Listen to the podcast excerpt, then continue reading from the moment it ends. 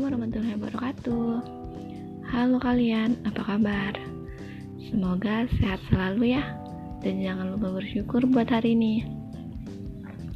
Oh iya, sebelumnya aku mau ingetin nih buat kalian yang sering keluar rumah Dan beraktivitas di luar rumah.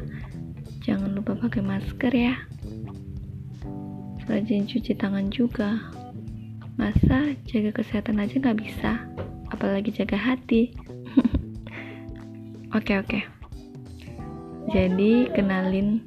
Nama aku Hairunisa Purba dari kelas 3A2 Ekonomi Manajemen Universitas Simalungun. Di sini aku akan bincang-bincang atau sharing tentang pentingnya mempelajari ekonomi pembangunan. Ekonomi pembangunan adalah cabang ekonomi yang mempelajari aspek-aspek aspek ekonomi dalam memproses pembangunan di negara-negara berkembang. Banyak ahli yang berpendapat bahwa kebutuhan akan pembangunan baru muncul setelah Perang Dunia Kedua, yang dimulai dengan program bantuan luar negeri kepada negara-negara berkembang. Di lain pihak, negara yang baru merdeka setelah Perang Dunia Kedua pembangunan ekonomi menjadi satu kebutuhan mendesak. Hal ini yang mendorong lahirnya ekonomi pembangunan, yaitu pertumbuhan ekonomi, bantuan luar negeri, dan perencanaan. Dalam perkembangannya, dapat dicatat bahwa pembangunan nasional Indonesia yang dilaksanakan secara terencana dan berkesinambungan dengan dimulainya pelaksanaan rencana pembangunan lima tahun atau repelita dan kemudian dilanjutkan dengan repelita-repelita berikutnya sampai repelita yang sekarang ini. Sekarang ini, namun demikian tidak berarti sebelumnya tidak ada pembangunan yang terjadi di Indonesia. Pembangunan ekonomi telah menarik perhatian para ekonom sejak zaman mekanisme klasik sampai zaman Karl Marx dan Keynes. Oleh karena itu, tidak tepat kalau kita menganggap bahwa ekonomi pembangunan sebagai suatu bidang analisis yang baru dalam ilmu ekonomi. Namun, lebih tepat jika analisis mengenai masalah pembangunan sekarang ini merupakan suatu kebangkitan kembali dalam menganalisis masalah ekonomi pada masa lalu masa kebangkitan terhadap pembangunan ekonomi ini dimulai sejak berakhirnya Perang Dunia Kedua. Faktor antara lain yaitu satu, sebagian besar negara sedang berkembang atau NSB masih merupakan daerah jajahan. Dua, para pemimpin masyarakat yang dijajah kurang usaha untuk membahas masalah pembangunan ekonomi. Dan yang terakhir, keterbatasan penelitian dan analisis masalah pembangunan ekonomi, khususnya di lingkungan ekonomi tersebut. Setelah Perang Dunia Kedua, perhatian terhadap pembangunan ekonomi tumbuh dengan pesat. Hal ini disebabkan oleh beberapa faktor, yaitu berkembangnya cita-cita negara yang baru merdeka untuk mengejar ketinggalan mereka dalam bidang ekonomi dari negara maju, dan meningkatnya perhatian negara negara maju terhadap usaha pembangunan ekonomi di NSB. Karakteristik umum negara sedang berkembang berdasarkan tingkat kesejahteraan masyarakat. Negara-negara di dunia dibedakan dalam dua kelompok besar yaitu negara-negara yang sedang maju dan negara-negara yang sedang berkembang atau sering disebut Less Developed Countries atau LDC.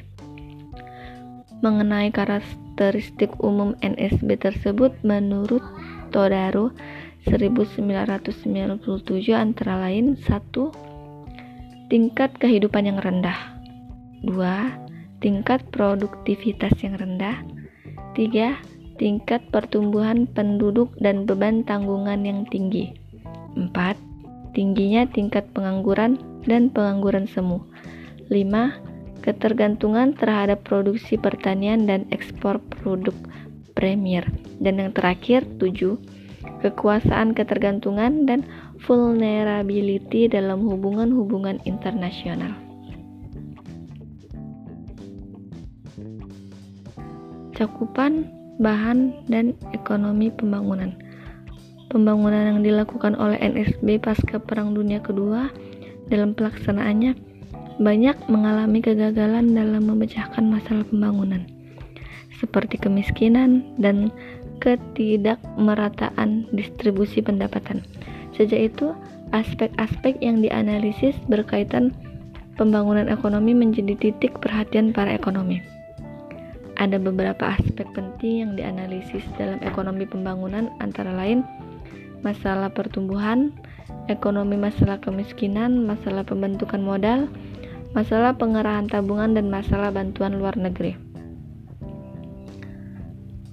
Pembangunan adalah suatu orientasi dan kegiatan usaha yang tanpa akhir. Proses pembangunan sebenarnya adalah merupakan suatu perubahan nasional budaya. Pembangunan dapat terjadi suatu proses yang dapat bergerak maju, tak kekuatan sendiri tergantung kepada manusia dan struktur rasio sosialnya. Kita sering berbicara tentang pembangunan, namun mungkin hanya sedikit yang kita ketahui tentang pembangunan. Seperti yang kita ketahui, banyak pembangunan telah terjadi obsesi di banyak negara, namun dalam kenyataannya, pembangunan tersebut tidak berjalan seperti yang diharapkan. Hal ini disebabkan banyak persoalan-persoalan yang mengiringi pembangunan itu sendiri, seperti pengangguran, urbanisasi yang tinggi yang menciptakan masyarakat miskin di kota, masalah kemiskinan, dan berbagai kepincangan, serta kesengajaan lainnya. Kecenderungan di atas dapat dilihat pada pemikiran-pemikiran awal mengenai pembangunan, seperti teori Harold Domar, Arthur Lewis, dan lainnya. Pada saat itulah dimulai masa pengkajian ulang tentang arti pembangunan. Ada yang menekan pentingnya pertumbuhan dengan perubahan, terutama perubahan nilai-nilai dan kelembagaan. Hal ini dibandingkan dengan pertumbuhan ekonomi. Pada dasawarsa 1960-an, banyak warga sedang berkembang mulai menyadari bahwa pertumbuhan tidak identik dengan pembangunan. Pertumbuhan ekonomi hanya mencatat peningkatan produksi barang dan jasa secara nasional sedangkan pembangunan ekonomi berdimensi lebih luas dari sekedar peningkatan pertumbuhan ekonomi. Walaupun kebijakan pembangunan ekonomi selalu ditujukan untuk mempertinggi kesejahteraan dalam arti seluas-luasnya, kegiatan pembangunan ekonomi selalu dipandang sebagai bagian dari keseluruhan pembangunan nasional yang dilaksanakan oleh suatu masyarakat atau bangsa pembangunan ekonomi hanya meliputi usaha suatu masyarakat. Uh, mungkin hanya sampai sini saja yang bisa saya sharing tentang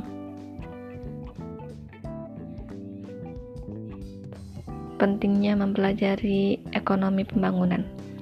Sekian dan terima kasih. Assalamualaikum warahmatullahi wabarakatuh.